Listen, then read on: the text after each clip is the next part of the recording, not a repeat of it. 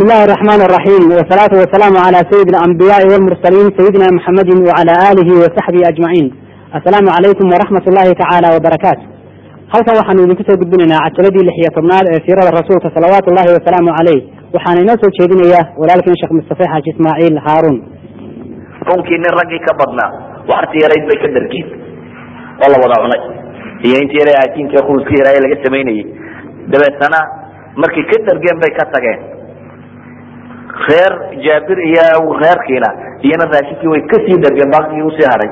Markaasay waliba intii kalena hadiyad reere kale ugu sii geegeeye yani wuxuu noqday raashin tiro badan oo ilaahay subxaana watacaala uu barakeeyey.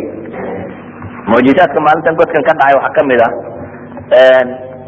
nabigu alayhi salaatu wasalaam wuxuu arkaa la yidhi camaar ibnu yaasir oo isna bood la hoos sida ciidii guraya. Markaasuu maalinta wuxuu nabigu ku yihi faktuluka alfia albaaqiya kooxda gardaran baa ku dili doonta buu nabigu ku yihi kooxda gardaran ayaa ku dili doona. Wuxuu ku dhintay dagaalkii udhexeeyey cali iyo mucaawiya isagoo kooxdii mucaawiya ka tirsan. Waa masaa'ilka ay culamada qaarkood u daliishadaan ahlu sunna kamidi in uu masalada ku xaqa lahaa qolada tilmaamta cali inuu xaqa lahaa. Waxay ahayd marka uu dhagax la mari waayo soo baxo nabiga calayhi salaatu wasalaam bay u imanayeen iyagoo le ilahay rasuulkiisa o dhagax waanu uu furmi waa noo dabci waayo. Dabeetana xadiiska bukhaari markaa wuxuu tilmaamaya masalan intuu nabigu alayhi salaatu wasalaam micwalka yani madaraqa u qaado ayuu ku dhuftay. Dabeetana facaada kasiiban ahyal aw ahyan bu riwaayadda xadiiska tilmaamaysa ciid buu kaga dhigay nabigu alayhi salaatu wasalaam riwaayad kale ama xadiis kale oo iyana ku soo aroortay baabka imaamu axmed isai ay soo arorinayaan oo ibn xajar sanadkooda oo xasan ku tilmaamayo wuxuu leeyahy nabigu alayhi salaatu wasalaam baa u yimid meel ay u taag waayeen. Dabeetana wuu ku dhuftay isagoo markuu ku dhufta wacdii ka yeedhay.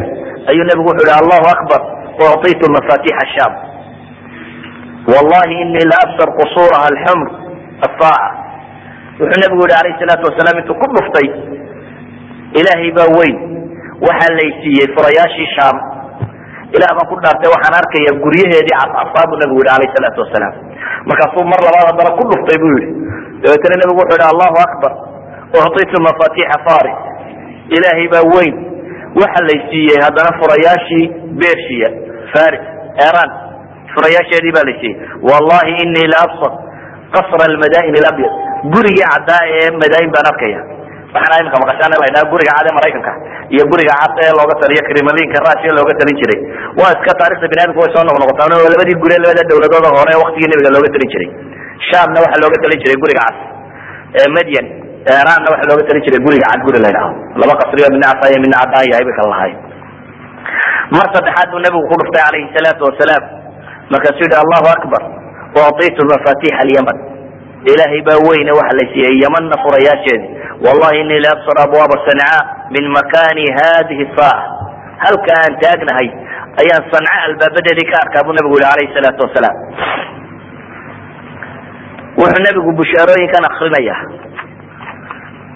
iyadoo madiine ay xirsan kari lahayiin saxaabadii iyadoo toban kun oo ciidan ka badani madiine ay dul fadhiyaan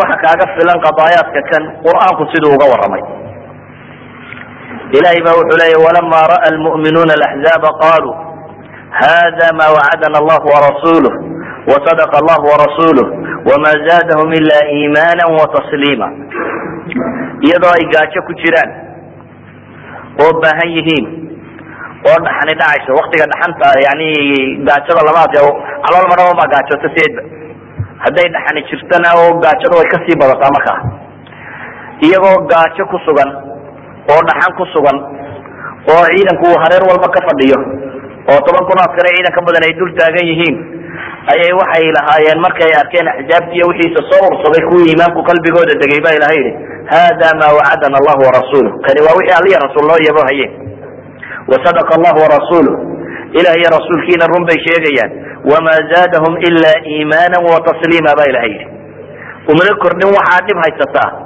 iimaan inuu u kordho iyo ilahay inay isu sii dhiibaan mooyaane wax kale oo uu ku kordhiya ma jiro ama munaafiqiintii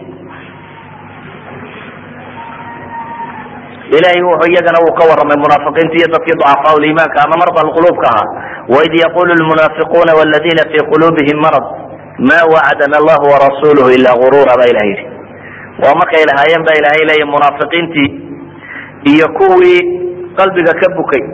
Ma wacadana allahu warasuluhu ila gurura ilah iyo rasuulkiisu nooma iyoboohin kada iyo khiyaamo mooyaane wax kale noomay sheegin. Yani waxba kamasalaha bay leeyihiin riwaaya daciifa waxay tilmaamaan aqwaashay ku hadlayeen iyo araajiibta iyo waxay akrinayeen waxay lahayen maxamed wuxuuna lahaa kisre iyobaa furanaysaan iyo bershiya iyo dhulkan baa furanaysaan waa kaasoo midkaayana maanta soo kaaji kale yani inaynu kaadi tagnaano aamini kari lahay ayay shubayeen ilahay ba wuxuu le waid yaqulu lmunaafiquna wladina fi quluubihim maradun ma wacdana allah warasulu ila gurura ama waid qala طaa'ifat minhum ya ahla yatrib la muqama lakum farjicu wayastadinu fariqu minhum الnabiy yaquluna ina buyutana cawra wama hiya bicawra in yuriduna ila firara ama suuraة axzaab aayaadka badan ilahay kaga warramay walaw dukilat calayhim min aqطariha uma su'ilu lfitna laatowha wama talabasuu biha ila yasira walaqad kanuu caahadu llaha min qablu la yuwaluna ladbar wakana cahd llahi mas'ula qul lan yanfacakum lfiraaru in farartum min almawt aw ilqatl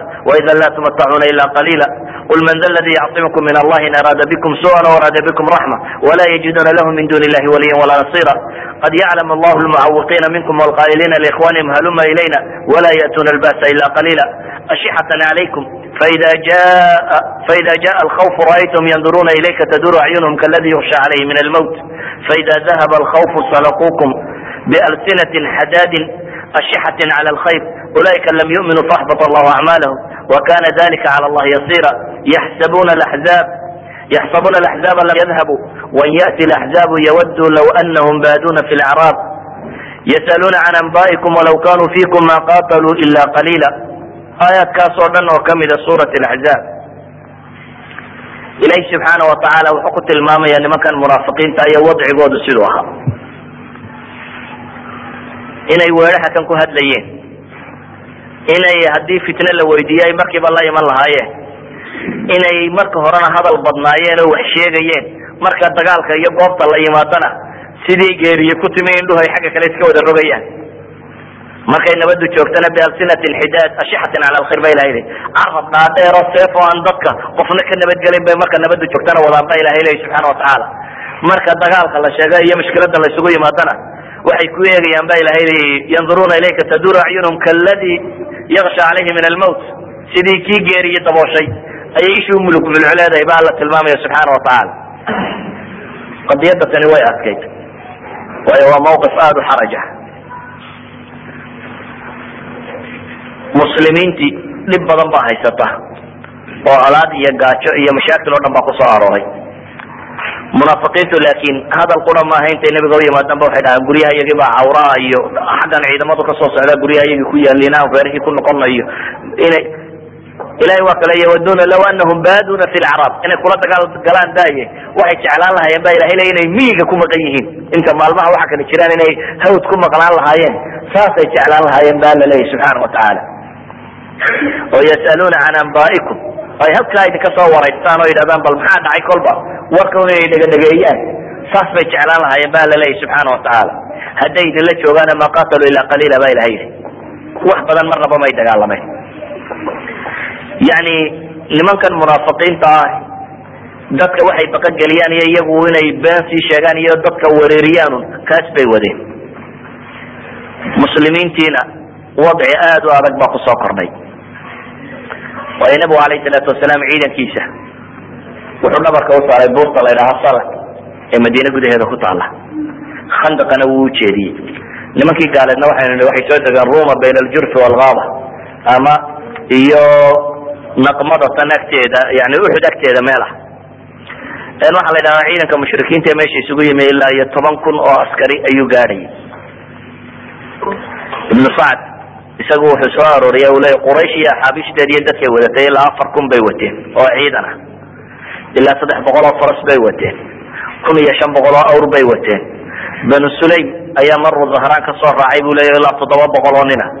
Waxaa tiro aan sheegi doono o dhami waa riwaayaat sira si ay u arooriyaan laakiin sanad xoogan kumay soo aroorin waxa uu tilmaamaya ibnuljuzi masalan fazara inay kun nin ahayd ashjac afar boqol oo nin inay ahaayeen banu mura afar boqol oo nin iyaguna inay ahaayeen intaa marka laysku daro waa ilaa lix kun iyo shan boqol oo nin oo dagaalyahana inta kalena banu asad iyo khatafan wixii ka soo haray bay ahaayeen.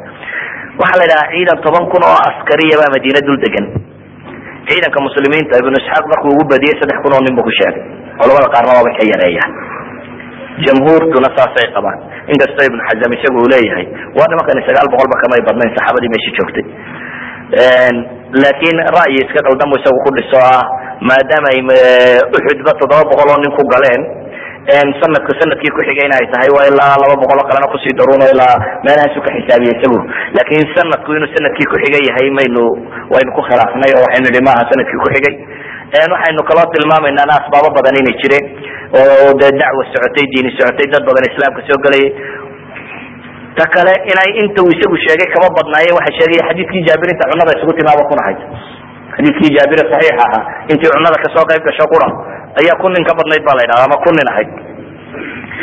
Waa marka laga reebo ba yidhaha ciidankii dawriyaadka ku maqnaaba. Ciidankii ilaalada ahaa ee magaalada ilaalinayay oo ilaa shan boqol oo nin ba la yidhahda oo ilaalaha ayaa jiray. Si kastaba ha noqotee waxaynu leenahay taarikhda tamala ibnu isxaaq baa ugu dhadhowey ilaa saddexdaa kun ayay ahaayeen. Markuu arkay nebigu alayhi salaatu wasalaam qadiyada tani siday u adag tahay iyo nebigu wuxuu damcay ciidanka inuu kala khiyaameeyo. Gaar ahaan ciidankan mushrikiinta ah. Dabeetana wuxuu u yeedhay xidhiidh buu la sameeyey khatafaan nimanka ah. Wuxuu kula heshiiyey baa nimankan uli yuhuud baa marka horeba riwaayatu taarikh qaar ka mid say sheegayaan tiri waxaan siinaynaa nis timirta magaalada ah. Waxay dhahay nabigu alayhi salaatu wasalaam riwaaya imaam bazaar warinaya isnaad xasan oo ku warinaya abu hurayre laga warinayo qaa'id bani mura oo alxaaris ah ayaa warkan wadwaday iyo mufaawadaadka. Cala kuli xaal waxa lagu heshiiyey ba la yidhaahdaa in thuluth timirta madiine la siiyo. Oo ay iska noqdaan. Laakin heshiiskaasi intaanu dhamaystirmin ee ra'yiga iyo mufaawadaadku ay wada socdeen nebigu wuxuu rabaa ciidankan inuu kala jebiyo oo quraysh ay gaar isula baxaan carabtan kalena inuu iska diro warkaasi intii wada ba isugu yeedhay laba nin ee ansaar madaxda u ahaa sacd ibnu mucaad iyo sacd ibnu cubaada oo aws iyo khadraj madaxu kala ah. Wuxuu ra'yigu u soo bandhigay war saasaan rabaayo bal warrama waxay yidhahdeen ilaahay rasuulkiisiiyo ma waxyi kugu soo degay ba isagoo waxaad adigu doonayso aanu kuu yeelno. Mise waa arrin aad annaga daraadaya noo yeelayso yani madiine inaad noo ilaaliso oo dadkayga iyo carruurtayda iyo reeru inay noo nabad galaan daraaddeed miyaad sidatan u yeelaysa? Wuxuu sheegay bay yidhahdeen nabigu alayh salaatu wasalaam inay qadiyadani ku salaysan tahay.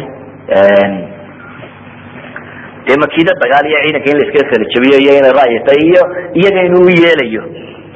Waxay dhahdeen maya ilaahay rasuulkiisiiyow annagoo aan muslim ahayne gaalo ah. Timirta madiina midaanu qira marti waxa ay naga cunto. Iyo lacag waxna lagaga iibsada mooyaane xaba timira weligeena lagama qaadin.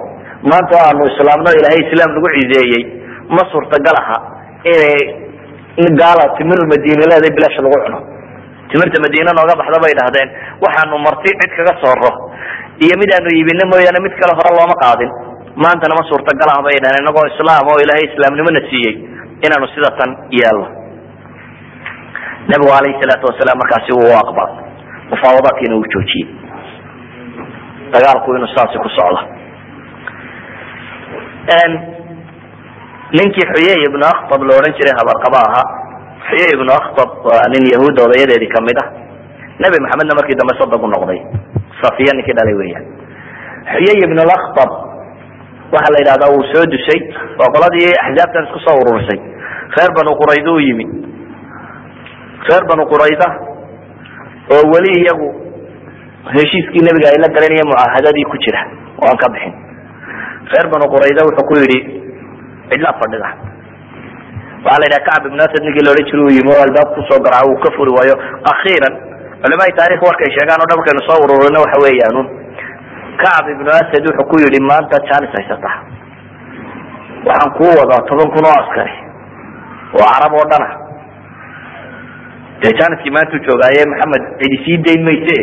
Guushiyay ku seegine. Dagaalka dhankaaga adna kaga soo wado oo hoostana dagaalku ha kaga baxo. Marka saasaynu ku jebinaynaa ciidankiise. Waxa la yidhahdaa culamada taarikh waxay yidhahdaan in badan buu iska adkeeyey. Waar orodo waxaanad wadaa waa sharciga tag iyo dhibbaad ii wadaa iyo anugu ballankaygaasaan ilaalinaya. Maxamed wax dhibaato ah kamaan arag laakiin ninkan yahuudiga waa la gurigeliya wax lagu wado. Kanuu imaam shaydaan ahaa sidii ugu waday wuxuu ku qanciyey inuu isna ballanka ka baxo. Yahuuddii reer banu qurayde madiine gudaheeda deganaydna iyana markaa ballankii way jebiyeen dagaal bay ku talagaleen.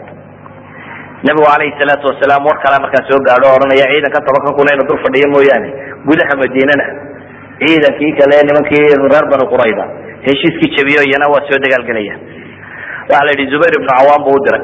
Bal inuu arrinkooda soo indhaindheeyo zubayr baa ka soo noqday oo ka waramaya in arrinkooda aanu hagaagsanayn likuli nabiyin xawaariy xawaariyi zubayr waa markuu lahaa baa la tilmaama ala kuli xaal haddana nabigu alayhi salaatu wasalaam wuxuu diraa la yihi sacd ibnu mucaad iyo sacd ibnu cubaada. Labadii oday ee ansaareed wuxuu yihi utaga nimanka yahuudeed oo war cad iga keena. Waxay yidhaahdaan culamada taarikh waxay sheegaan weliba ku sii korkordhiyaan. Wuxuu ku yidhi haddii arrinkoodu uu yahay inay ballankii ilaalinayaanna si cad iigu sheega dadku hawada maqle. Kolay wararbaa dee soo baxbaxay magaalada ku jira. Haddii uu yahay arrinkoodu inay jebiyeenna ii malbaxa oo waxaan idinku fahmi karo un ii tilmaama. Nimankii way u tageen waxay u tageen nimankii oo ballankii buriyey. Riwaayaadka taarikhda qaar kamidina waxay dhahdaan xataa way jeexjeexeenba waraaqdii heshiiska lagula galay waana heshiis kula jirin. Ilaa iyo koox yar mooyaane bal isacna niman la yidhahdo qura ayaa ka soo hadhay oo iyagu yidhi anagu sidii baanu heshiiskayga ugu jirayna. Intii kale o dhan markii xuyay ibnu akhtab uu qanciyey ninkii la odhan jiray kacb ibn asad alquradi waxay isku raaceen in la jebiyo. Wuu soo noqday markaasi o wuxuu u sheegay nebiga calayhi salaatu wasalaam in nimankaas warkoodiina uu ay ka baxeen inkastoo ay culamada taarikh rag ka mid a yidhahdaan warka hoos bay ugu sheegeen oo cadal waqaara bay yidhahdeen bay dhahay cadal iyo qaarina waa qoladaynu soo marray. Saxaabada intay yidhahdeen qur'aanka noo dhigdhigaan in ugu dar dabeetna laayay yani kadar waa khiyaamayana sameeyeen un farsamo ah laakin warkani ma qarsoomayo? Mujtamacii wuu dhex warkanina wuu soo baxay. Waa ilaahay subxaana watacaala qur'aanka kaga waramaya id jauukum min fawqikum ومن أسفل منكم وإذ زاغت الأبصار وبلغت القلوب الحناجر وتظنون بالله الظنونا هنالك ابتلي المؤمنون وزلزلوا زلزالا شديدا وكا إله إله سبحانه وتعالى إليه فرق السرع هي حقه هو صويدا كغي مادين حق السرع وحكا يميدا قاضي حقه هو سنة وحكا طبعا عيدا كلو يهودي لا ضحي إلهي وحليه سبحانه وتعالى وإذ زاغت الأبصار ما كيف لا أركي ويدي بقدر أدي وفكو مركو بقى يتفع وحما يبقى kolba meelba indhuhu waa yacyaacan waa ordaan. Waidaagat ilabsaar ba ilahay leeyahy markay ishu joogsan weyday. Wa balagat ilqulub alxanaajir wadnuhu markuu dhuunta yimi ba ilahay leeyahy xanjaradu waa kas kaanamaa wadnaha dhugdhugtiisa ay halkan u timi. Qofku markuu baqayo waxaad moodaa wadnuhu halkii uu ka dhugdhuglay jiray inuu soo dhaafo meel sare inuu ka digdiglay ilahay ba markaa wuxuu leeya wabalagat ilqulub alxanaajir markuu wadnuhu dhuunta soo gaadhay ba la yidhi subxaana watacaala watadunuuna billahi dunuuna ee malayow aa malmalayseen baa laleeyahy subxaana watacaala malayow la malmaleeyey gaar ahaan nimankii munaafiqiintii iyo dadkii ducafada ahaa maluhu ku tiro batay hunaalika btuliya lmu'minuun ba ilahay yihi meeshaas ba ilahay yihi mu'miniinta waa lagu itixaamay wazulziluu zilzaalan shadiida ba ilahay yihi waa la gilgilay ba ilahay yihi subxaana watacaala gilgilan adag dagaalka kan khandaqu ama axzaabtu waxay dhahdaan xarb lacsaab bu ahaa dagaal neerbe iyo baqa iyo werwer iyo deganaanshiye la'aan iyo naxdin bu ahaa ee intuu dagaal seefeed ahaabaa yaraaba muslimiintii sida tan ba ku dhacday aad bay u gelgilmeen laakin dadkii ahlu iimaanka waa sugmeen munaafiqiintii iyo dadkii ducafada oo dhamina aad bay u lumeen nabigu alayhi salaatu wasalaam markay qadiyadaasani sii dhacday waxaa la yidhahdaa zawriyaat buu sii adkeeyey ciidankii roondada ahaa salamata ibn aslam alawsiy oo laba boqol oo nin wata iyo zayd ibnu xarisa bay yidhahdeen oo isna saddex boqol oo nin wata. Ayaa waxaa laga dhigay inay noqdaan bal roondada wareegeysa ee reer banu qurayda iyo waxa kan dadka ka ilaalinaya. Muslimiinta dumarkooda iyo caruurtooda iyo wixii oo dhanna xusuun baa lagu guray qalcadaha inay galaan oo aanay soo bixin dadka ducafada o dhami iyana qalcadaa lagu guray quraysh waxaa la ydhahaa markay meeshii timi waxaanay filan bay la kulantay. Quraysh iyo ciidamadeedi iyo waxeedii ay wadatay. Dee waxay lahayn saa u guuraysaan uma dee madiina intaa gashaan xagga kale u rogi doontaan siday u guurayeen unbay god soo dul degeen. War waxa meesha laga sameeyey. Waa maxay? Fajiciso cusub bay ku noqotay. Waa fakireen fakireen si godkan loo galo oo waa u waaye waxay isku dayeen in un bal meel laga tallaabi karo ama durijo yar ama wax inay sameeyaan oo meeshii waxa ay ka samaynayaan un ciidamada muslimiinta waxaa la faray un inay gamuunka adeegsadaan. Warmaha iyo leefkun baa la boobsiiya un dee ciidan toban kun ila meel yaroo bridge yar suga iman maayo yare meel saara ama la taaba inta joogtaba gamuunkaa leefta dabeetana way soo tallaabi kari waayeen. Waxaa la yidhahdaa xisaarkii bay waxay noqotay inay yana dul fadhiistaan labaatan iyo afar maalmood ayuu xisaarkaas socday si ibnu sacd tabaqaadkiisa xadiis sanadkiisa yani ilaa mursal saciid ibnu sayib saciid ibn lmusayib uu ka warinayo sanadku saxiix yahay. Maraasiisha saciidna insha allah waa khayr badantay. Culamaai taarikh kalena bil bay sheegaan. Adigu muddo bil ku dhadhow musa bnu cuqba wuxuu leeyahay labaatan casho ku sheegaa laakiin muddo bil ku dhadhow ama bil gaadhaysa ayaa la isdul fadhiyey oo meel ay ka soo galaanna la waayey. Ciddii istidhaahdo soo galana laga dhergiyey leebkaasi iyo gamuunkaasi waxa ay sheegaan culamaai taarikh oo dhami ilaa shan nin baa mar koox yar ay hogaaminaysaa isa soo maqiiqday bay dhahaan kooxdaasi ibnu isxaaq. Shan nin meelahaasoo ka sheega. Calaa kulli xaal waxay tilmaamaan koox yar oo uu hogaaminayo ninkii la odhan jiray camar ibnu wad. Ayaa ka soo booday meesha camar ibnu wad waxay yidhahdaan waa ashhar faris. Quraysh ay lahayd marka la isku daro. Marka la isku daro waa dagaalyahan bay dhahdaan yani waa markay faanfaaniyaan waxay odhan jireen kun nin buu udhigma camar ibnu wad koox hogaaminayo ayaa booday oo niman dhawrina la socdaan baa la idhahaa nofel ilmakhzumi iyo ikrimat ibn abijahl ay la socdaan baa meesha ka soo booday baa la idhaha hase yeeshee markii mubardi ay ku soo waxaa la tilmaamaa cala u baxay bay yidhahdaan axaadiistu ma aha saxiix masalada tan ku soo aroortay laakiin waa kuwaynu nihi waa masaaisha laska waa marasiil zuhari ayay ka mid tahay laakin marasiishaasi ma xoog badna waa loo soo baxay caliy bn abi aalib baa ubaxay ba la yidhi mubaarazo ugu baxay waa iska cadhaysiya la yidhi aniga ina yari soo baxaya maanta dagaal rasmiya dagaalamaya faraskiina wuu boqonogooyey bay yidhahdaan warar badan bay sheegaan qolada siirada warisa si kasta ha noqotee ma liibaanin ma liibaanin ee waa la dilay. Cali baa ka takhalusay ninkoodii ay lahaayeen kun nin buu udhigma novel ninkay ku tilmaamayeenna zubayr ibnu cawaan baa dilay. Baaqigiina way yaaceen ba la yidhi. Labadaa markii laga dilay ayay baaqigoodiina dib u carareen ba la ydhaha laakiin waxaad ka garanaysaa un dhibtu siday u badnayd iyo dagaalku siduu u taagnaa wakti bay gaadhay. Muslimiintu iyagoo soo taagan salaadu ay ka tagto. La ilaababa waxaad umalaynaysaa meel nebigiina joogo salaad casrna la xasuusan waaye. Salaadii casar intay soo gashay qofba uu xasuusan waaye. Oo cumar oo qaylinaya uu yimi o yidhi ilahay rasuulkiisiiyo salaadii habaar ku dhacani salaadii casarna maanta way ilowsiyeen oo nebigu yidhi anama tukanin. Yani ila hada alxad sidii dagaalka iyo dhib u adkaayeen maalmahan ay u joogtay inuu nebigu calayhi salaatu wasalaam xasuusan waayo salaad casar oo dabeetana cadceed dhacday kadib la tukado. La tukaday salaadii casar cadceeddu markay dhacday baa casar la tukaday oo haddana maqrib la tukaday. Waayo waktiga kan waa intii aan la jidaynina salaat lkhawfka yani sharciga islaamigu iska soo dabadegayay marka waktigan khandaq bay culamadu yidhaahdaan. May soo degin salaat lkhawf iyo qaabkii loo tukanayay dee qaab caadiya in loo tukada baa saaray. Taana may tamakunin. Saasi daraadeed bay ku tagtay. Laakin gazwatu zat riqaac aynu dib ka arki doona culamada qaarkood halkan way ka horaysiiyaan laakiin waxyaabaa lagu bushiyo waxaa ka mid a salaada sidan loo tukan kari waayo haddii salaat lkhawf la garanaya bay leeyihiin de may tagteen sidaasan baa loo tukan lahaa. Waxyaabaa lagu bushiyo bay ka mid tahay azwatu dat riqaac marka waxay dhahdeen ilowba ilowa inay khandaqa ka dambeysay siay culamadu u badan yihiin salaadii casar xataa way dhaaftay waxaa la yidhaha dagaalkan oo muddadaasi socday cid badani haddana ma dhimanin markay geeri noqoto. Waxaa lagu tilmaamaa dhowr iyo toban qof baa labada dhanba marka la isku daro ka geeriyooday. Dhowr iyo toban qof ayaa labada dhanba ka geeriyooday. Akram dayaal cumari masalan wuxuu soo aroorinayaa muslimiinta inay sideed ahaayeen waa sida siirada ibnu hishaam iyo tabaqaat ilkubra ay qorayaan. Culimo kalena qaarkood malaba ka yareeyeen baan rajaynaya. Si kasta ha noqotee waxaa meeshan ku geeriyooday waa dad yar.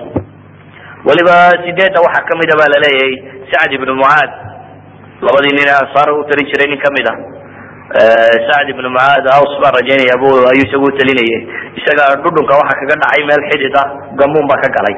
Dabeetana wuu dhaawacmay. Dhaawacaas buu u dhiman doonaa. Intuu dhaawacmay buu nabigu qaaday calayhi salaatu wasalaam. Dabeetana masaajidka gudihiisu khaymo yar uga sameeyey. Khaymadaas buu jiifay. Ilaa iyo banu qurayda waa ninkii xukumay. Kadib ayuu shahiidoobay. Muslimiinta waxaa la yidhahdaa dad sideed meelaha gaadhaya qolada kalena dad aan ka badnayn ayaa ka geeriyooday baa la yidhahdaa. Dadka badhna waxaabay ku sheegaan afar meelahaas ay ahaayeen gaaladana waxay dhimatay si kasta ahaatee dagaalka khandaqu waxaa la yidhaha waa dagaal kii la galo ee quraysh iyo muslimiintu ay wada galaan kii ugu dhimasho yaraa. Haddana waxaa la yidhaha waa kii ugu warwarka badnaa.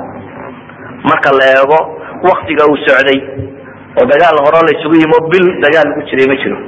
Dagaalkani bil buu socday bishaas dee weerar iyo rogaal celin iyo godka karaw iyo mooyaan laisu soo gelin baa bishaas dhan la waday. Isla markaas qurayshi dagaalkan waxay noqotay iyadoo aan guushay rabtay gaadhin.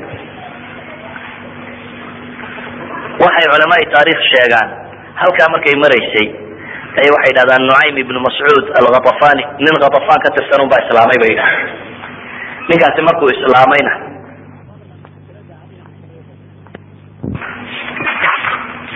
ayaan halkaa ku joojina allahu aclam bilahi tawfiq. Sacad jubayr ibnu cawaam inuu nabigu diray uu sheegayo. Ayuu nabigu calayhi salaatu wasalaam ay dhibtu ku badantay oo ilaahay in badan barayo nabigu calayhi salaatu wasalaam allahuma munzil alkitaabi saric lxisaab ihzim alaxzaab allahuma hzimhum wazalzilhum dawooyinkaasuu nabigu akrinaya isagoo aada ugu celcelinaya baa la yidhahdaa ilahay kitaabka soo dejiye xisaabtiisu ay degdega badnaydo. Ilahu kuwan maanta jebi ilahu jebiyo gilgil. Baryadaa buu nabigu alayh salaatu wasalaam ilahay baryay waxaana iska muuqatay markii dambe oo soo dhexbaxaysay xisaabka ama go'doomintani markastoo ay sii dheeraataba macnawiyaadka ama dareenka ay qabaan ama moralka ay leeyihiin dadka axzaabta inuu sii liidanayay. Waayo waxay ahayn jaabo jaabo kale ahdaafay xilfi waa wadahaa in islaamka lala dagaalamo laakiin xilfi ha lahaade isku hadaf lama ahayn quraysh hadafkeedu waxay ahayd in muslimiinta la soo dabargooyo oo mar nimanka ay ka soo takhalusaan acraabtiiyo reermigan kale waxay ahayd hal booba inay soo helaan magaalada soo bililqaystaan oo iyagu wax kaloo badan umay socdeen madiine iyo timirteeda iyo waxoogaaga ayna soo bililqaystaan bay u socdeen.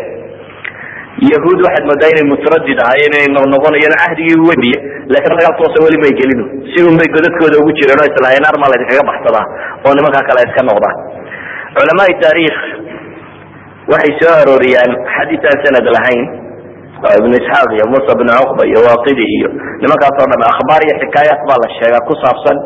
Nin saxaabiya la odhan jiray nucaym ibnu mascuud oo hatafan ashji aha gobolka khatafaniyiinta ka tirsanaa nucaym ibnu mascuud ibnu camir alashjiciy oo min bani khatifana waxaa la yidhahdaa ninkaasi wuxuu ahaa say akhbaariyintani soo wariyaan nin soo islaamay oo islaamkiisa uu cusbaa dabeetana waxay leeyihiin waxaanu ahaa dee khatafan nin ka tirsanoo dadka dabadda ka yimiya. Marka islaamnimadiisana cidima ogeyn baa la yidhahdaa quraysh iyo acraabtii iyo yuhuudda iyo waxaan o dhan cidina ma ogeyn. Waxay yidhahdaan ninkani musalladkii uu ku burburay dagaalku waa ninkii dhisay bay ku tilmaamaan. Waxay yidhahdeen nebigu u yimi calayhi salaatu wasalaam. Say nimankaasi sheegayaan dabeetana wuxuu yidhi ilahay rasuulkiisiy waa soo islaamay. Kolkayna weli islaamnimaday ma oga ee waxa doonto ifan nimanka akhbaariyiintii waxay soo sheegaan war odhanaya. Inama anta rajulu waxid faqadil cana ma istataac inama alxarbu khudca nin quraa tahay oo yani nin hal qof oo ciidanka ku soo biray wax badan soo kordhin mayside nimankaa naga hoojiyo jebi inta aad awoodi karto. Sheekadaas waxaan idhi min xaysi sanad waxa saxay maaha laakin de alxarbu khudca waa xadiis saxiix aynu naqaano oo bukhaari ku yaalla waa wax buu leeyahay akram dayaal cumari xafidahu llah waa shay macquula buu leeyahay in uu ninkani waxan adeegsadaa waa shay macquula maadaama dagaalkuba u khudcaya ninkan waxaa la yidhahdaa farsamuu dhisay oo ciidanka gaaleed ku burburiyo yahuudi markii horeba way shakisnayd dabeetana waxay xuyay ibn laktab waxay kula heshiiyeen inuu isagu qalcadda kula jiro. Markii horeba cadiga la burinayo aanu bixin. Waxaa la yidhahdaa ninkan odaygaaba u tegey oo berigii horena xilfi wadaagiya waxay ahaan jireen. Nimankii yahuudeed wuxuu yihi bal warrama soo ima garanaysaan oo nimaad garanaysaan may ha baa la yidhi. Wuxuu yihi nimankii quraysh la odhan jiray iyo idinku isku dan ma tihidin. Qurayshi waxay doonaysaa inay dagaalkan gasho iyadoo dhulkeedii ka timo caruurteedii iyo xoolaheedii iyo waxeediiba meel nabad ay u joogaan hadday guulaysatona way arki hadday waxba u suurtoobi weydana dee way iska tegi doontaa. Idinkana waxa laydin leeyahay ku dagaalama meel ubadkiini iyo caruurtiini iyo beedkiini meelu yaallo. Ayaa laydin leeyahay ku dagaalgala sidaa awgeed deesaani kala maaha hadday maanta iyagu iska noqdaan idinku maxaa samaynaysaan? Waxaa u baahantihin bu leeyahay si dagaalku uu u dhaboobo inaad tidhahdaan rahaa-in qurayshay si aanu idinku aamino odayadiina qalcadayada keena. Duqaytidiina abu sufyaan iyo ragga lamadiya oo raggaasi qalcadda hanala joogaan. Markaasi dagaalka waa idinla gelayna waa ra'yi bay yidhahdeen kanaad sheegtay. Waa ra'yi aada u fiican. Waad tilmaamtay baa la yidhaha arrinkii waad asiibtay ra'yigii baa la qaatay bay yidhahdeen inay dalbaan rahiino. Nimanka akhbaariyiintii waxay sheegayaan wuu baxay. Dabeetana quraysh buu tegaya nimankii kale. Wuxuu ku yihi qurayshay nimankii yahuudeed ballankii ay buriyeen waa ka qoomamoodeen ballankii ay nebigaada kula jireen ay buriyeen waa ka qoomamoodeen iminkana waxay leeyihiin un ballanka wuxunbaa inaga soo celin karaa. Inagoo quraysh madaxdeena dhiibna intaynu quraysh qabqabanno madaxdeeda. Aan u geyno moxamed oo kuwaasi uu ku safro ayuunba dagaalka inaga soo celin karaa.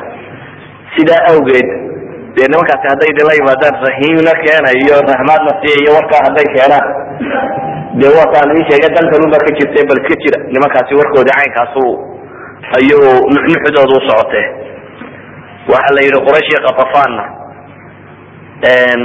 ninkani tanuu sheegaya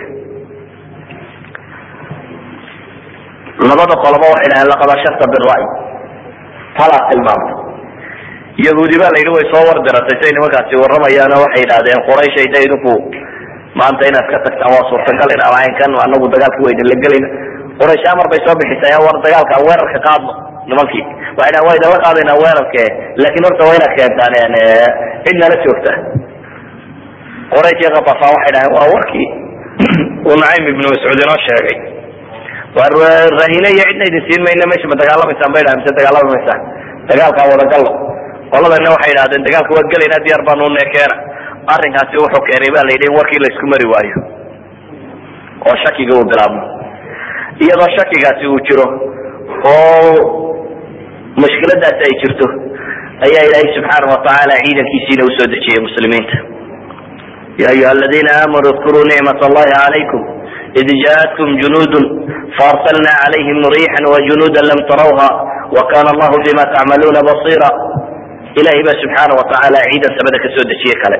Ciidanka kani waa riixu saba dabaysha la yidhaahdo weeyaan dabayl baa ilaahay keenay dhabanaysa oo xoog u babanaysa dabayshaasi waxay noqotay taambugyadii iyo meelihii ay dhisteen nimankii soo dagaal tegay oo dhan tiirarkay u saartay wax allaaliyo wixii dheri dab saaraay oo dhan bay baktiisay weelashiiyo wixii oo dhan bay xagga kale ka rogtay ilaahay subxaana watacaala wuxuu ku intixamay duufaano duufaano xagga kale meeshii oo dhan rogay midda kale waxay ahayd dabayl aad u qabow.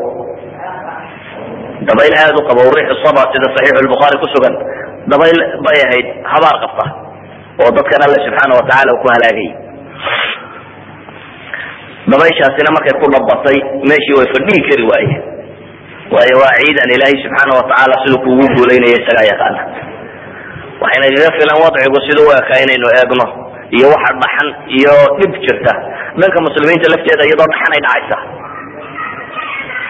Xudayfa bn lyaman masalan xadiiska warinayo nabigu alayhi salaatu wasalaam uu u diray korjooge iyo inuu wax soo eego.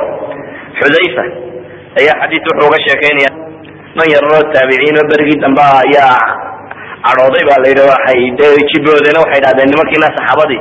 Ma nebigii intaad soo gaadheen ayaa nebigu caga dhulka ku socon jiray bay dhahay wallahi haddaanu joogi lahayn tuurtaanu ku sidi lahayn bay dhahay yani mama dhacdeen inuu nebi maxamed dhulka lugayo anagoo la joogna alayhi salaatu wasalaam xudayfa markaa waxay soo mareen buu uga sheekeeyey.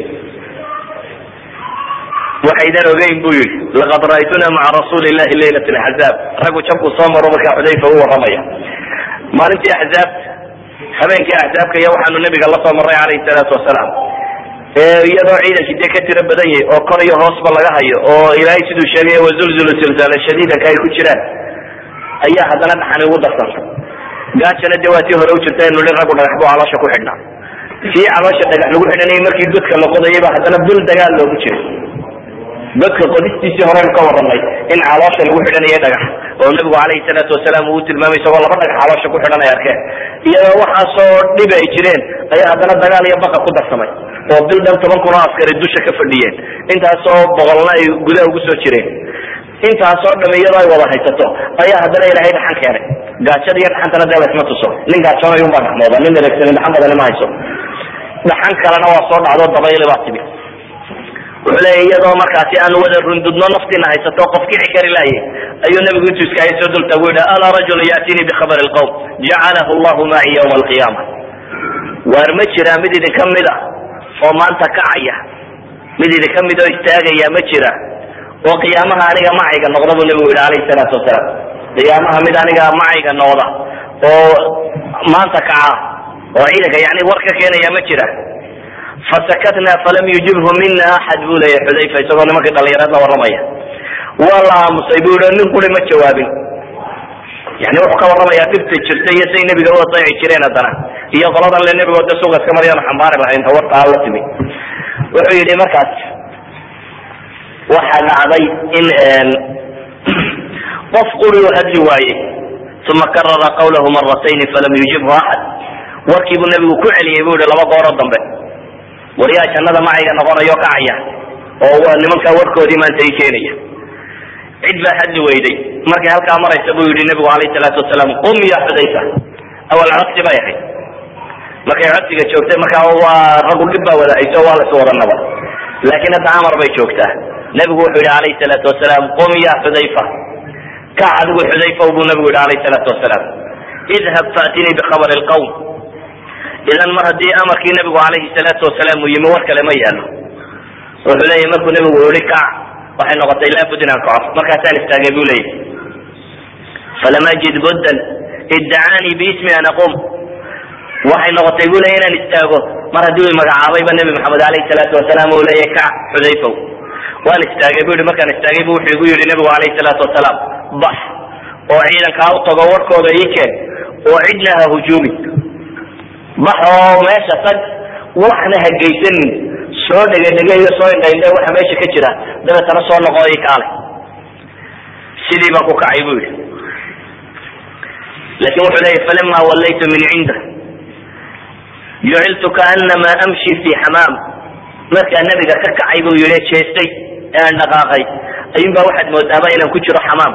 Xamaamka waxa loo yaqaana yani dhulkan la isku kulayliyo ee diiran maasha way qadqadayeen oo dhexma haysatiyo gaajo laakiin markaan amarkii nabiga qaatay bu leya alayhi salaatu wasalaam dhaxantii u badheeray ayun baaba ilahay dhaxantii iga qaadayo wixiiba waxaad moodaa bu leeyahay xamaamadan la isku kulayliyo kaleba inaan dhex joogo. Yani nin meel uumiyo la geliyo kale baa noqday bu leya waa karaama. Ilahi subxaana watacaala uu siiyey. Markii uu aqbalay nabiga alayhi salaatu wasalaam amarkiisii duruuftan adag adag adag uu ku aqbalay. Ayuu wuxuu leya wuxun baabad moodaa ninkaygii inaan xamaam galay oo kale kulul. Ilahi aan uga tegay bu yihi wuxuu markaa sawirayaa nimankii oo intay dabayli ku kala tagtay hambugyadii dumeen oo dadkii baktiyey oo weelkii xagga kale u rogmay oo aan dheri dab la saaraynin oo balaayo dham isugu timi oo dhaxantiina jirto waxaan isa soo taagay bu yihi saan u soo dhex soo socday abu sufyaan. Oo intuu dab yar shiday sii jeestay oo dhabarka ku haya bu leya dhaxan daraaddeed. Dhabarkuu dabkii yaraa dabka saaray baan isa soo dul tagay bu yihi markaasaan damcay bu yihi leebkii iyo qaansadii baan isa saaray bu yihi dabeetana waxaan siri bu yii waxba uma jiro markaa waa habeen madoobo intan baan dabka u ifinaya marka abu sufyaan waa arkaa bu leeyo ciidankii intuu kala jajabay in yar meel ag jooga oo dab dhabarka ku haya bu leya baan soo dul taagay. Waxaan siri bu yidhi abu sufyaan horta gamuunka ku hubi. Haddana waxaan xasuustay bu yihi nabiga calayhi salaatu wasalaam amarku isoo siiyey ahaa cidna ha hujuumina cidna ha baqagelin. Warkuna ii keen oo saasi ku soco. Markaasaan leefkii qaatadii kala daayay bu yidhi. Waxaan hubaa bu ley walaw ramaytuhu la asabtuhu bu lahaa haddaan gamuunka gani lahaa lama waayena waan ku dhufan lahaa xadiiska saxiixu muslim suu sheegayo. Laakiin amarkii nabigaan sidiisa ufuliyey bu yidhi farajactu ana amshi fi mili xamaam waan soo laabtay bu leeyahy anigoo sidii xamaamka un soconaya kaasi waa saxiixu muslim siduu sheegayay laakiin nimanka qasaasiintii waxay sheeg sheegaan warar badan oo xataa inuu abu sufyaan yeedhay warba laysma garan maaye nin walba cidda kugu xigtaa qaba gacanta oo waa kuma ikhbaariyintu sheegaan wuxuu leeyahay xudayfa labadii hareer iga xigay un baan kaga horreeyay bu war kumaad ahayd adigu adna kumaad ahayd uno markay arkeen na waan dhaafay bu yani kaanama aan aad ay dareemin. Saaxibu saxiixu muslim raximahullah isagu wuxuu sheegaya qisadoo koobana wuxuu leeyahy waan soo noqday bu leeyahy weli iyadoo aanan aniga wax dhaxana dareemayn bu leeyahy anigoo weli ana amshi fi mili xamaaminki anigoo weli kuweelkayga ku dhex jira ayaan soo noqday bu yihi falama ataytuhu faakbartuhu bikhabari lqawm wafaragtu qarirtu bu yidhi markii aan u imi bu yihi nabiga calayhi salaatu wasalaam ee aan u sheegay warkii nimanka iyo nimanka gaaleed warkooda iyo xaalkoodu siduu yahay markii aan uga waramay bu yidhi ee inay dee nimankii guurayaan abi sufyaan wuu fadhii kari waaya cabaar markuu meeshii joog joogay bu wuxuu ihi waar ka soo rarta wixiina meeshani meel la deganaado maahe ayaan warkii markaa nebiga u dhameeyey bu yihi oo warkii iga dhamaaday ayaan haddana qarirtu dib u qarqaray bu leeyahay muhimadii uu nabigu ii diray alayhi salaatu wasalaam markaan soo dhameeyey dhaxantii un baaba meeshii joogta halkii un baaban qarqaryadii haddana ka bilaabay bu leeyahy intii aan muhimadii nabigu ii diray ku maqnaana waxba maan dareemin markaan soo noqday se qarirtu bu yidhi haddana dib baan dhaxantii ay beritu فالبسني رسول الله صلى الله عليه وسلم من فضل, من فضل عباءة كانت عليه يصلي فيها markuu arkay sidaan u gariiraya nabigu yaan u waramay ayuu mare uu sito uu ku tukanayay. Daxalkeedi uu hiwiyey buu yihi nabigu alayhi salaatu wasalam isagoo isaguna tukanaya. Nabiguna uu tukanaya. Xudayfa ibn lyanna nabiga dhinaciisu ku nabaya markaasi oo maradii nabiga dacalkeeda ayuu markaasi huwan yahay. Falama zil naa'iman xataa asbaxtu. Kamaan suulin buu leeyahy aniguna inaan sidii un hurdo ilaa iyo waagii ii baryay buu leeyahy nabigoo salaatu leyl taagano tukanayo bu isa soo dhinaca uu yimi dabeetana intaan dhinac fadhiisto marada dacalka iga saaray bu yihi nabigu alayhi salaatu wasalaam salaadiisiina uu iska watay. Aniguna sidii baan uhurday bu yihi markuu nabigu marada dacalka ii saaray ilaa iyo waagu ii baryey falama asbaxtu qaala qum ya nawaman. Markii waagu baryay bu nabigu wuxuu igu yii rudayo kacab bu yii bu yihi nabigu alayhi salaatu wasalaam qum ya nawaman. Ayuu igu yidhi bu yihi alayhi salaatu wasalaam waxa ka muuqato xudayfa bnulyaman inoo warinaya siday u ekayd wadcigu iyo sida baqa iyo dhaxan iyo gaajo iyo wax waliba u jireen. Iyo haddana nebigu alayhi salaatu wasalaam hadduu amar bixiyo sida aanay macquul u ahayn nin saxaabiya inu khilaafo markaasi amarka nabiga alayhi salaatu wasalaam. Imaam albazarna suu sheegay wuxuu leya xudayfa markuu soo noqday. Markaa nabiga u imi alayhi salaatu wasalaam ya rasuul allahi tafaraqa annaasu can abi sufyaan فلم يبق إلا في عصبة يوقد النار وقد صب الله عليهم من البرد مثل الذي صب علينا abu sufyaan baa waramaya wuxuu ku yidhi bu yidhi ilahay rasuulkiisiiyo meeshii baan tegay iyadoo dadkii kala dareeray oo abu sufyaan koox yar ay kusoo hadhay oo dab loo shidayo oo dabka dhabarka saarayo oo ilaahay dhaxan ku qubay bu yihi nimanka sida ilahay inagaba dhaxanta inoogu qubay walakina narju min allahi ma laa yarjun ba ku yidhi. Laakin inagu dhaxantan dee ajar iyo jannaan ku doonaynaaye balaaya haysata iyago aanay jannana ku helaynin. Ee cadaabi ka sii dambayso. Kaas ba haysta bu lahaa ciidankii markaas abu sufyaan markii dambe uu amar bixiyo wuxuu bixiyey. Meeshani meel la nagaado maaha bu yidhi. De arke qala inaanay dhaafaynin xisaina laga tallaabi kari waa. Warar la soo baxay yuhuudda iyo sidii loo kala shekshekiyey amar buu iclaamiyey o markaa leeyahy meel la deganaado meeshu maaha ee guuritaan hala guuro ayuu iclaamiyey. Dagaalkan waa ka ilahay qur'aan ku tilmaamaya le waradda allahu aladiina kafaruu bigaydihim lam yanaaluu khayra wakafa allahu lmu'miniina alqitaal wakana allahu qawiyan caziiza ilahay ba wuxuu leeyahy subxaana watacaala ilaahay waa celiyey kuwii gaaleed cadhadoodii iyagoo qaba baa la celiyey oo lam yanaaluu khayran ba ilahay yidhi wanaagna may helin qurayshi dagaalkii wuxun bay ka faa'iday maxay? Kharash iyo nafaqadiiyo ku badatay. Wax allaaliya wax kale oo ay ka soo faa'iideen ma jiro. Iyo dhaxan iyo safar shan boqol oo kilomitr ah oo lug xaggaa marna loo socday marna xagga kale loo lugeeyey maka ilaa madiina. Intaa bay faa'iideen. Lakin wax kaloo ay faa'iideen ma jirto. Ilahay baa markaa wuxuu leya waradda allahu aladiina kafaruu bikaydihim kuwii gaaloobay cadhadoodii baa alla ku celiyey subxaana watacaala lam yanaaluu khayran ba ilahay yidhi. Sama may helin wakafa allahu lmu'miniina alqitaal dhanka kalena ilahay wuxuu leya ilahay baa kaga filaaday mu'miniintiina dagaalka. Waataynu hi dagaalka gabagiisaba dhowr qof ayaa kaga shahiidoobay. Oo leebabka iyo waxa la isku ganayay un kuwa ku dhacday. Iyo hal nina baa la tilmaamaaba habar yahuudadii dishay inta kale qalcada reer banu qurayda hal nina baa la yidhahda rax baalkan wax lagu daqiijiye ku soo tuurtay. Dabeetana dusha kaga dhacay ninkaas baa dhintay waxa kaloo waxay ku dhinteen leebabka la isku ganayay saa daraadeed dad badaniba ma geeriyoon. Ilahay baa marka wuxuu leya wakafa allahu lmu'miniina alqitaal wa kana allahu qawiyan caziiza ilahay baa muminiintii dagaalka kaga filaaday. Ilahayna wuxuu yahay ba la leeyahy subxaana watacaala qawiyan ku xoog badan casiizan ay cala amri. Arrinkiisana mid aan la jebinin bu alla ahaaday subxaana watacaala laakiin waxaa la leeyahay mu'minkii dhab ugu tiirsanaan laha yani dhibta maanta dunida taalle ugu badani waxa weeyaan mu'miniintu marka dhibtu haleesho yaynu ku tiirsanaa yaynu wax moodnaa baa la isweydiinaya laakiin waxaad moodaa in badan in ilahay baa la ilaabiyo subxaana watacaala haddii ilahay dhab loogu tiirsanayo oo tiirsimada alle waxay ka bilaabataa de in wuxuu yidhi la aqbalo. Marka hore in la raaco oo jidkiisa la maro hadday taasi dhici lahayd axzaab isu tagtoo dham oo duniyadahay waxba may tareen. Waayo madiinaba dadka joogaa tobanka kunba ma gaadhaynin baa laga yaaba qoladana ciidanka dul jooga o dhan baa toban oo keliya baa toban kun marayay waxay ahaayeen axzaab rasmiya oo dunidao dhan oo isu soo urursatay. Quraysh oo dhan iyo waxay aga ku wadatay. Katafaan oo dhan iyo waxay aga ku wadato. Yani qabaa'il tiro badan baa isugu yimi oo isu soo hubaystay laakiin ilahay subxaana watacaala isagaa jebiyey. Siduu nabiguba alayhi salaatu wasalaam ku ducaynayay. Dabeetana markaas buu nabigu yihi sida xadiidkii bukhaari sheegayo alana naqzuhum walaa yaqzuna naxnu nasiru ilayhim nabigu wuxuu yihi alayhi salaatu wasalaam alana hadda laga bilaabo buu nabigu leeyahy annagaa weerarayno dabcidi nooma weerarayso. Annagunba hadda wixii ka dambeeya bixi doona buu nabigu yihi alayhi salaatu wasalaam. Yani istraatiijiyada dagaalo wal waxay ahayd muslimiinta oo inta meel yar lagu shubay.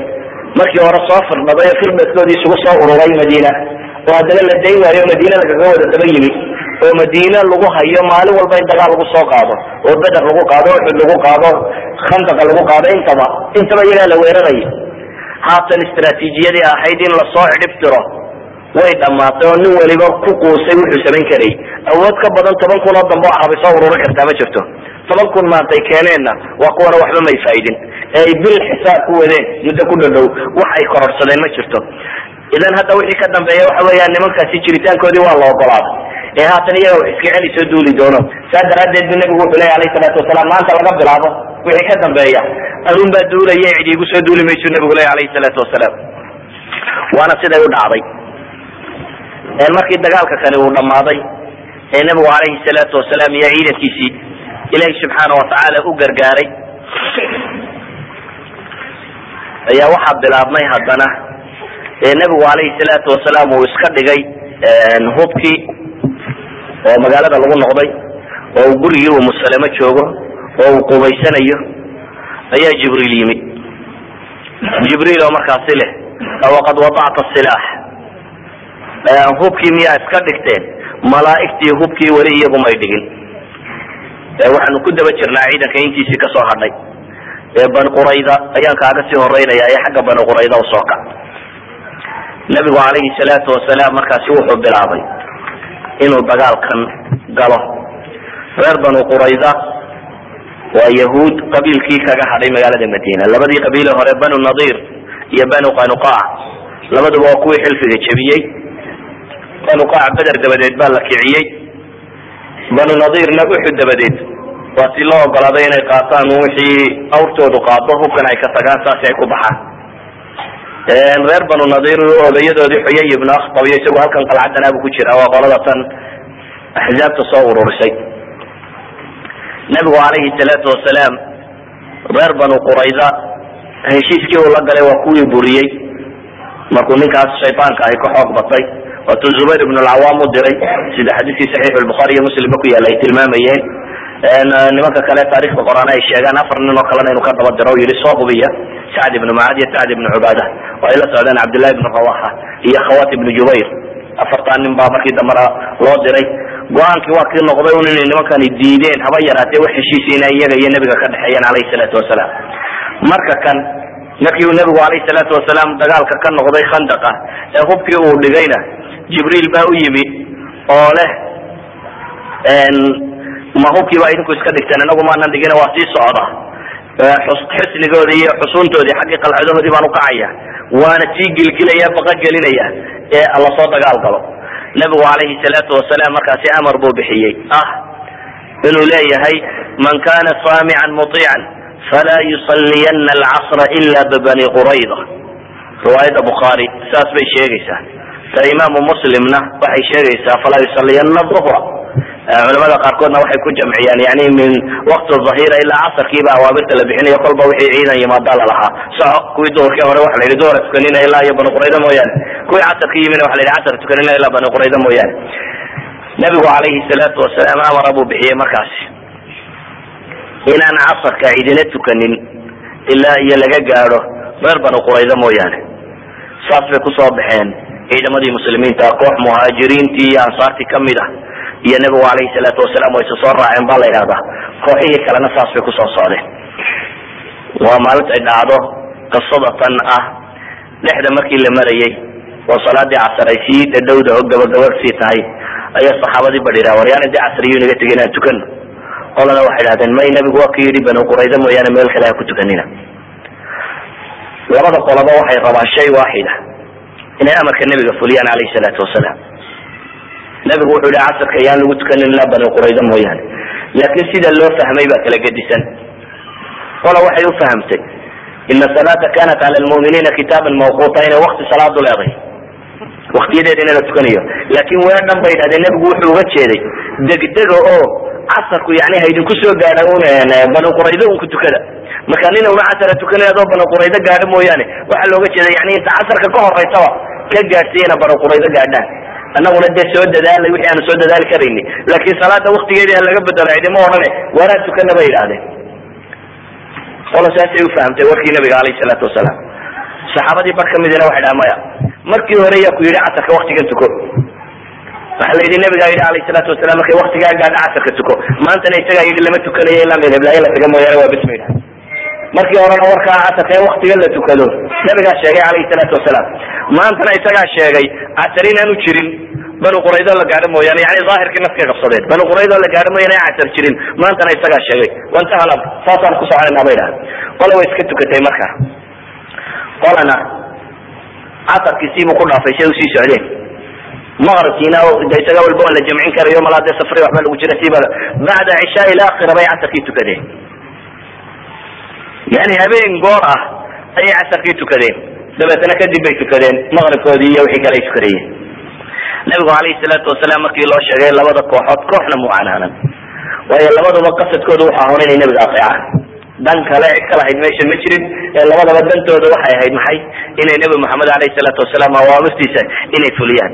Waana masaa'ilka ijtihaadiga ah waxyaabaha keena in dadku isku khilaafo. Naskaas oo kale sida loo qiimeynayo baa labada sheekh ama labada caalim laga yaaba inay sida loo sharxayo laba faham oo kale gedisa ka qaataan. Qolana madmuunkii bay qaadatay iyo nusuusta wixii looga jeeday. Qolana daahirkii bay qaadatay iyo naska muuqaalkiisa sare si uu ku jiray. Labada kooxood kooxnaba nabigu alayhi salaatu wasalaam waa canaanan laakiin bishari waa in dadku ay yihiin dad raba inay nusuusta fuliyaan iyo siduu nabigu yihi alayhi salaatu wasalaam ee aan dan kale lahayn qolada tani labada kooxoodba waxay rabeen un dan kale ku jirtay ma jirin ee inay fuliyaan nabiga alayhi salaatu wasalaam amarkiisii laakiin amarkii nebigunba qolana ufahamtay in la leeyahay salaad ban yaan la tukanin meesha marka la gaadhon hala tukado. Qolana ay ufahamtoon in la leeyahay degdega ee salaadaha inaan sidoodii laga bedelin sidoodii un laysaga tukan doono markay meeshii ugu yimaadeen nabigu alayhi salaatu wasalaam warkoodii ay u sheegeen labada kooxood kooxna muu canaananin nabigu alayhi salaatu wasalaam.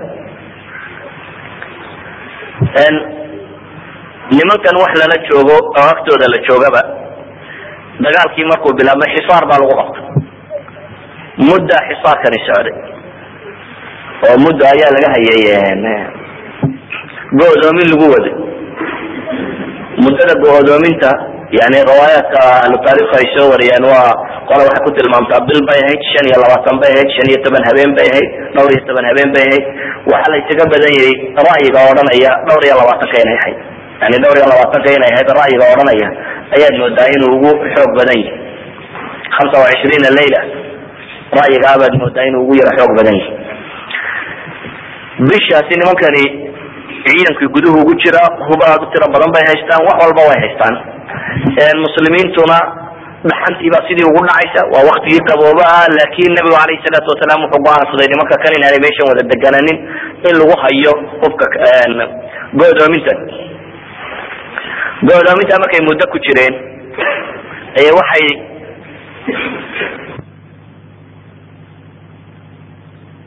markii horena inta badan ka warwareegay baa la yidhahdaa inuu heshiiska la buriyo. Markii ay shaydaamadu dhan walba ka mareen dambe uu heshiiska